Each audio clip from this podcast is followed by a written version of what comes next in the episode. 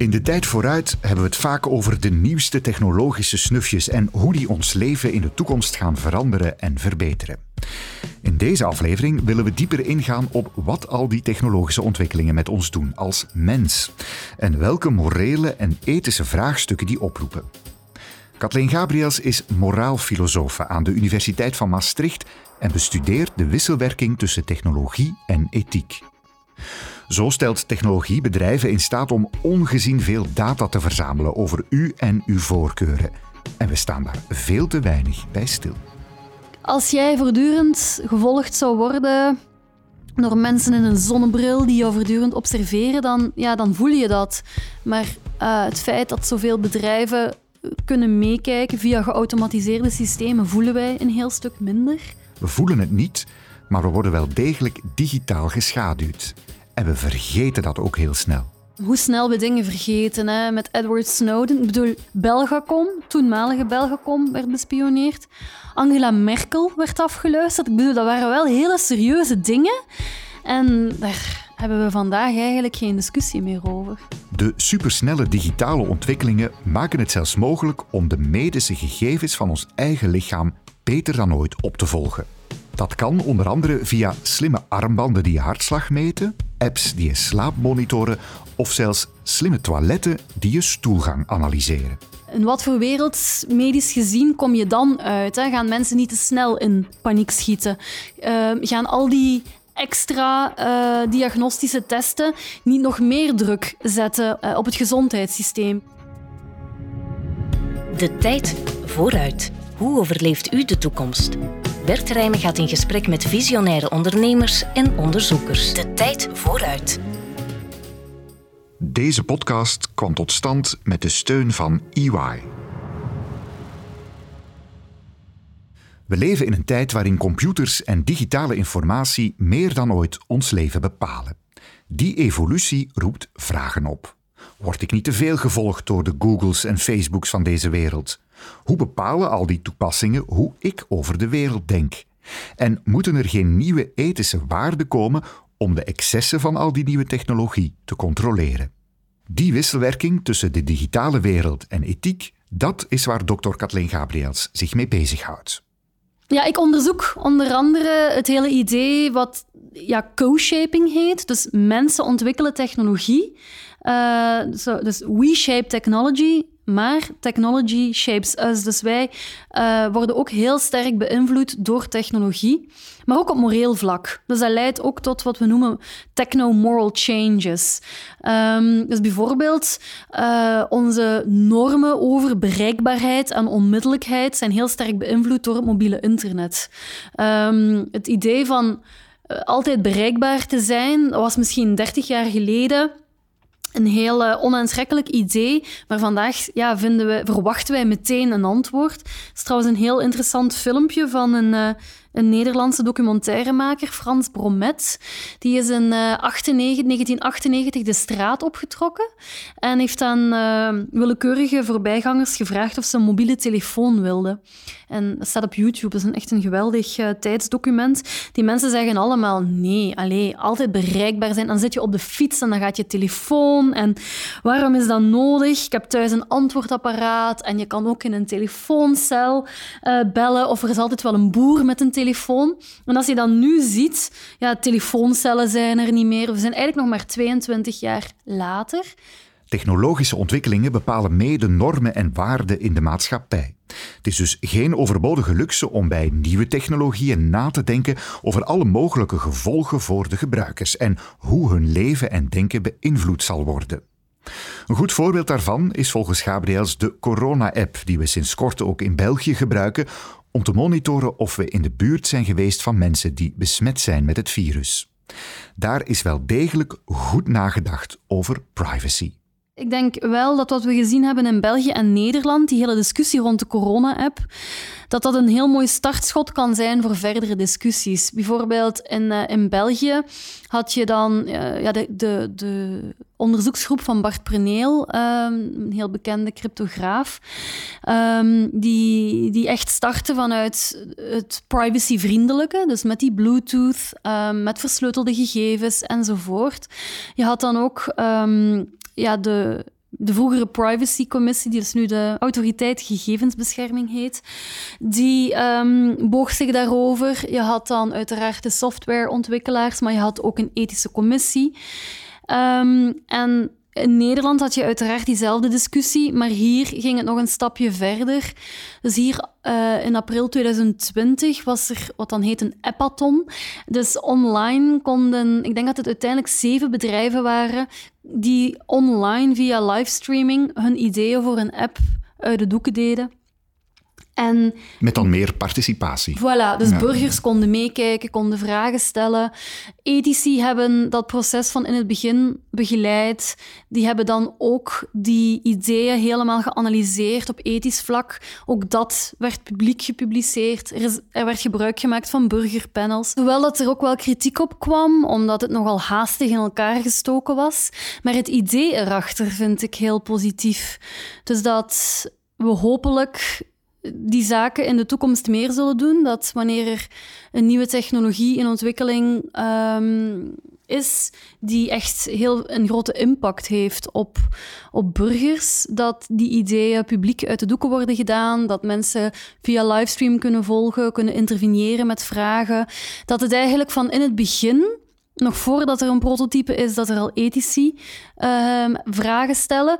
Niet omdat wij als ethici of filosofen de waarheid een pacht hebben. Het is absoluut niet waar uh, dat wij het altijd zomaar weten, maar wel omdat we een aantal vragen kunnen stellen waar dat misschien ontwikkelaars niet aan denken en omgekeerd.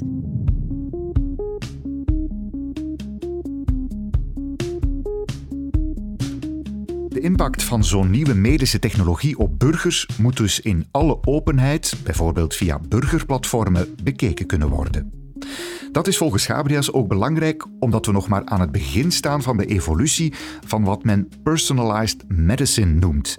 Het zeer individueel opvolgen van allerhande gegevens over je lichaam om je gezondheid te monitoren. En dat kan zeer ver gaan, tot op het toilet. Ik denk wel dat um, door die pandemie, dat er op bepaalde vlakken van wat we dan noemen personalized medicine, dat er daar nog harder uh, op ingezet zal worden. Om een heel concreet voorbeeld te geven. Dus um, er wordt ook wereldwijd aan afvalwatersurveillance gedaan. Dus dat wil zeggen dat ze, en dat is ook niet alleen bij het coronavirus, dat gebeurt vaker, dat ze gaan kijken hoe um, de verspreiding van een virus ja, letterlijk zich situeert in rioolwater. Um, en in Nederland is er bijvoorbeeld een corona-dashboard. Dat zijn uh, publieke gegevens die elke burger uh, online kan inkijken. En wij zien bijvoorbeeld ook de regionale verspreiding van het. Um, coronavirus in de riolering. En elke week worden die gegevens geüpdate. Dus dan zag je bijvoorbeeld dat het in de Randstad, dus omgeving Amsterdam, dat er een veel sterkere verspreiding was dan in, in Zuid-Limburg. Dat gaat dus voor alle duidelijkheid over gegevens op basis van stoelgang, uitwerpsel van mensen. Inderdaad. Ja. Um, en um, tegelijkertijd zien we nu een aantal nieuwe ontwikkelingen die nu misschien een beetje vreemd en ook wel een beetje komisch in de oren klinken, zoals het slimme toilet. Um, en ja, eh, Stanford University heeft daar uh, in 2020 nog een interessant artikel uh, over gepubliceerd. Dus wat is een slim toilet? Dat is een toilet dat je gewoon in huis haalt, of kan ook in een zorginstelling, dat meteen um, urine en stoelgang analyseert op een aantal ziektes. En in tijden van pandemieën is dat natuurlijk heel interessant, want dan heb je meteen misschien een aantal uh, diagnoses. Maar ja, dat is ook. Um, ik had het nu ja, toevallig uh, onlangs ja, nog met vrienden over en je ligt ook eigenlijk plat van het lachen als je dat hoort. Want um, qua privacy uh, werkt dat privé, een aantal vragen op. Want als er zoiets is in een gezin, moet het natuurlijk uh, teruggekoppeld worden aan individuen. Bijvoorbeeld wanneer je doorspoelt, werkt dat met uh, vingerafdrukken, zodat ze dat kunnen terugkoppelen naar individuen. Maar dan nog ja, is dat niet helemaal veilig, want je kan ook aan iemand anders vragen om door te spoelen.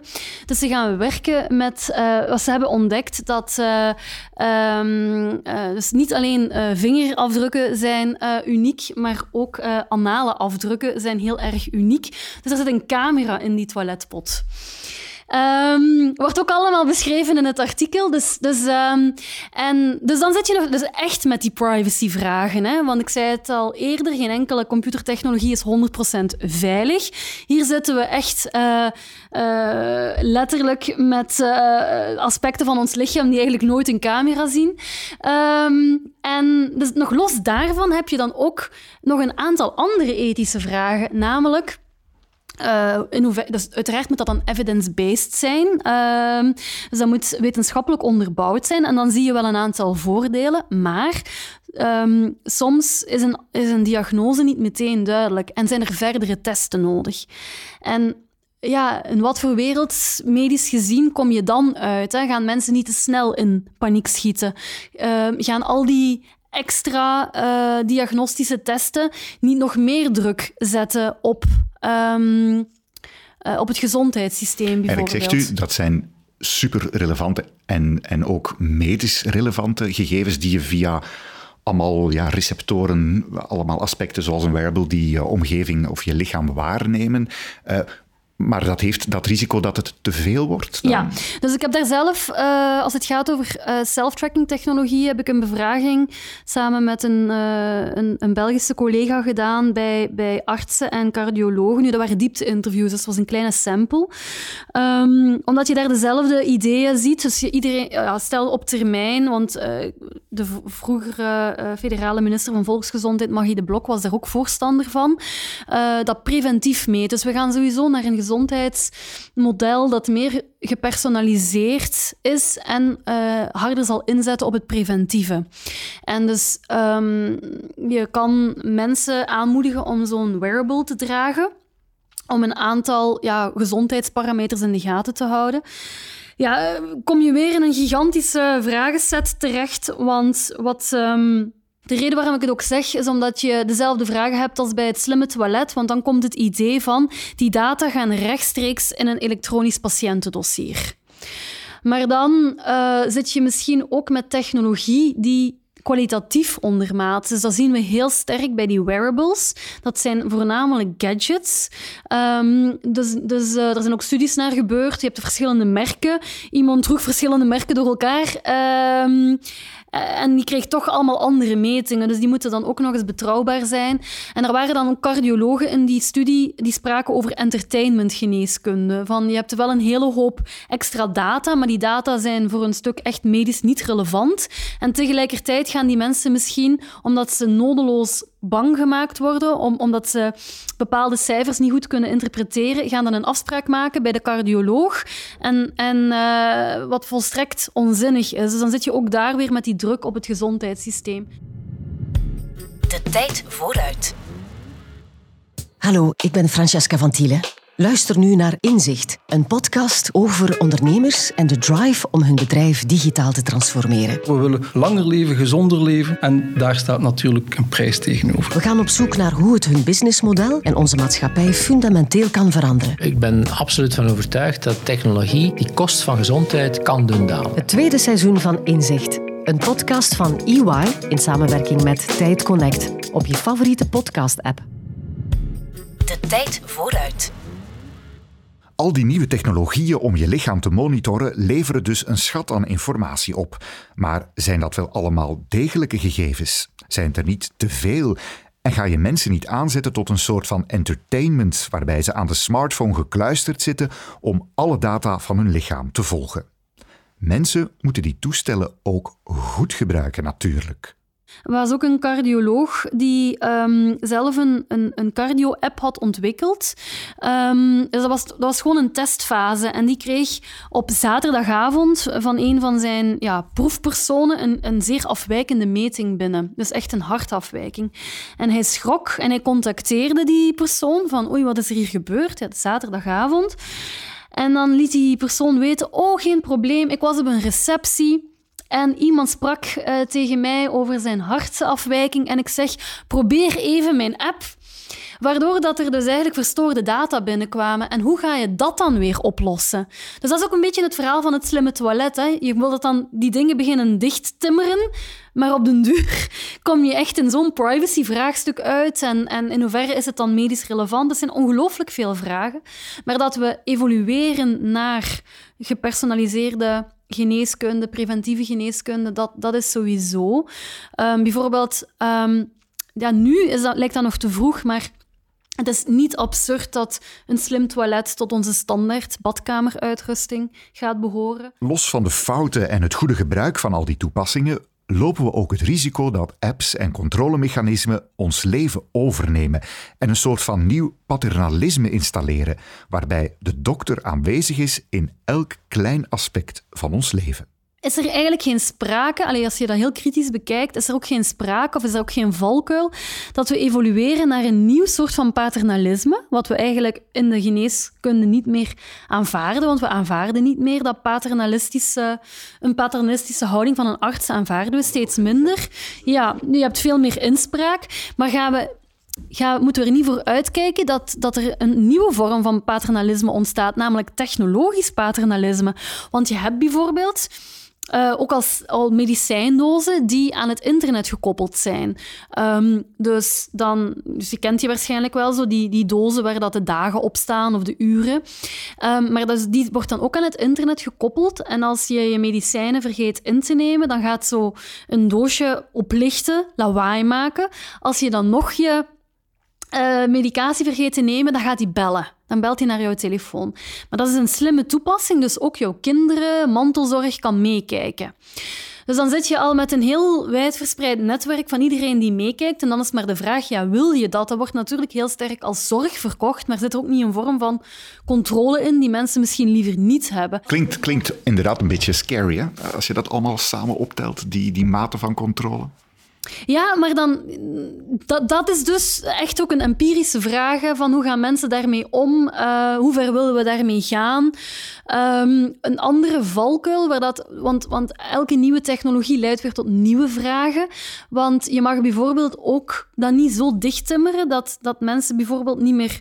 Oké, dat is nu een heel dystopische uitspraak, maar dat mensen misschien minder bezoek gaan krijgen omdat ja, het alarm gaat toch af of we kunnen toch meekijken via de camera. Um, terwijl, dus dat mag nooit het menselijke contact vervangen. De technologie voor persoonlijke opvolging van gezondheid biedt ons gigantisch veel kansen. Maar we moeten ook in de gaten houden dat we er op een goede manier mee omgaan. Om dat goed op te volgen hebben we meer actieve burgers nodig die niet zomaar technologie gebruiken zonder zich vragen te stellen. En ook politici die zich bewust zijn van de gevaren. Hoe snel we dingen vergeten. Hè? Met Edward Snowden. Ik bedoel, Belgacom, toenmalige Belgacom, werd bespioneerd. Angela Merkel werd afgeluisterd. Ik bedoel, dat waren wel hele serieuze dingen. En daar hebben we vandaag eigenlijk geen discussie meer over. Wie, wie moet zich daar dan meer mee bezighouden? Wel, ik denk dat, dat burgers zich vaak te passief uh, opstellen. Je hebt echt wel een stem hoor. Um, je kan bijvoorbeeld, ik herinner mij na 9-11. Um, en dat is ook niet abnormaal, waren mensen heel erg bang om een vliegtuig te nemen en is er eigenlijk heel veel uh, technologie Um, ja, in, in luchthavens uh, eigenlijk een standaard onderdeel. Denk aan die bodyscanners. En er, dan zijn er ook privacy-activisten geweest die... Dus die zeiden wel, oké, bodyscanners tot daar aan toe, maar die, dat, dat ging echt heel ver. Die foto's, dat was echt gewoon vrouwen tot in een ondergoed. En, en je, mensen hadden dat niet van zichzelf door. En dan zijn er toch een aantal privacy-activisten geweest die gezorgd hebben voor betere um, technologie die, die privacy beschermender was. Dus ik denk, wat, um, nogmaals, wat die corona-app die hele discussie samen met Bart Preneel en zo mensen die... Dus daarom dat ik ook zeg, we hebben uh, politici nodig die dat allemaal begrijpen. We hebben uh, iemand die echt weet hoe makkelijk het is om uh, ja, met die data aan de slag te gaan. Dan moet je echt vanuit een technisch inzicht weten. Dus ik denk dat we daar... ja, dus dat we dat echt nodig hebben. We moeten ons er dus bewust van zijn dat we meer dan ooit producenten zijn van data. Data die bedrijven maar wat graag gebruiken om hun producten zo goed mogelijk aan te passen aan wat jij als consument wil en waar je dus voor wil betalen. Dat mogen die bedrijven doen natuurlijk, maar je moet als mens wel weten dat ze gebruik maken van wat Gabriels valkuilen noemt, om je te triggeren. Die, die bedrijven maken over het algemeen heel goed gebruik van onze valkuilen. Als mensen een korting kunnen krijgen of iets gratis, dan zullen ze ervoor gaan. Dat is. Um, ik herinner mij aan de kassa en de bijenkorf, dan vragen ze ook jouw mailadres. Um, en als je dan nee zegt, dan, dan zeggen ze: Ja, maar dan kunnen we jou geen korting toesturen. Dus het gaat altijd over die korting. Um, dus we zijn zeer gevoelig over ja, iets, iets gratis of, iets, of, of korting te krijgen. Wij kiezen ook voor de weg van de minste weerstand. Als jij voortdurend gevolgd zou worden door mensen in een zonnebril die jou voortdurend observeren, dan, ja, dan voel je dat. Maar uh, het feit dat zoveel bedrijven kunnen meekijken via geautomatiseerde systemen, voelen wij een heel stuk minder. Ik, ik uh, vind ook de digitale klantenkaart op dat vlak een heel interessant thema omdat, zeker met supermarkten, nu, ja, als je een digitale klantenkaart hebt van een, van een klerenwinkel, dat is nog, ja, ik geef je minder inzage. Dan weten ze misschien wel dat je kleine kinderen hebt. Um, maar wat je vrijgeeft via een digitale klantenkaart van een supermarkt, dat is echt heel verregaand. Hè? Zeker als je daar wekelijks grote boodschappen gaat doen. Um, die kunnen inschatten ja, wat voor type gezin uh, je hebt, of je een drankprobleem hebt, of je gezond eet. Um, ze kunnen zelfs aan de hand, ja, dus algoritmen kunnen zelfs uh, voorspellen wanneer een vrouw zwanger is omdat een zwangere vrouw haar reukorgaan verandert. En als een vrouw ineens van een geparfumeerde shampoo naar een niet geparfumeerde shampoo en douchegel gaat, dan, dan, is het, dan kan het heel interessant worden, want dan is ze misschien zwanger. Um, ook als jij bij jou in de straat al de folders van de Colruyt zou gaan opvragen, dan zal je zien dat, dat elke zin een andere advertisement krijgt. Um, en dat gaat heel ver online natuurlijk, hè, want, want je kan op een heel gepersonaliseerde manier mensen gaan targeten. Dat is dan ook de discussie van online verkiezingscampagnes natuurlijk. Wordt, wordt ook ja, die personal uh, advertising, personal... Uh, sorry, die targeted ads um, is daar ook onderdeel van. Maar tegelijkertijd, dus, dus daarom zeg ik ja en nee, ze, maken heel hard gebruik van onze valkuilen en we gaan ook wat dat onze vrienden zitten. En als al jouw vrienden op zo'n gratis platform zitten, moet je al heel stevig in je schoenen staan om dan te zeggen, ik blijf er van weg. Want misschien word je niet meer uitgenodigd omdat de, omdat de uitnodigingen uh, via Facebook verlopen. Toch is het niet allemaal doom en gloom. De toekomst ligt volgens Gabriels in meer openheid en duidelijkheid over wie wat met je gegevens doet. En verschillende ontwikkelaars van technieken of programma's komen zelf met initiatieven om meer controle te organiseren. Een voorbeeld daarvan is een van de grondleggers van het internet, Tim Berners-Lee. Hij steunt een zogenoemd Contract for the Web om het internet meer onder controle te houden ja, wat er van het internet geworden is, heeft uh, Tim Berners-Lee al veel slapeloze nachten bezorgd. Uh, omdat um, het is natuurlijk heel sterk gecommercialiseerd in handen gekomen van een aantal hele grote spelers. En hij heeft nu twee dingen. Hè. Dus hij heeft enerzijds het Contract for the Web. Dus dat wil zeggen, dat zijn een aantal principes die burgers, bedrijven en um, overheden kunnen ondertekenen. Um, zelf, ik vind het heel nobel, maar het is natuurlijk non-binding. Het is niks bindend aan. En de grootste kritiek uh, die je erop kan geven was... Uh, de website stond bij wijze van spreken nog niet online, of Google en Facebook hadden die al ondertekend. Wat redelijk uh, hypocriet is. Maar dus dat is, daar zitten geen gevolgen aan. En hij werkt tegelijkertijd ook aan Solid. Dus dat is een nieuw internetplatform waar dat de data terug bij de gebruiker komen. Maar hoe dat, dat gaat evolueren is nu te vroeg om te zeggen. Maar misschien dat, ja, als, zeker als we van die uh, voorname voortrekkers hebben als Tim Berners-Lee, die ook samenwerkt met MIT onder andere. Ik denk dat er ook België bij betrokken zijn. Um, dan zijn dat misschien wel positieve evoluties. Technologie biedt gigantisch veel mogelijkheden om ons leven beter te maken. Maar we moeten er waakzaam voor blijven dat technologie ook een schaduwkant heeft, waarbij we, als we niet opletten, de controle over ons leven uit handen geven aan die technologie. Volgens Kathleen Gabriels moeten we als burger meer nadenken over de ethische waarden die in die nieuwe wereld van belang zijn. De tijd vooruit.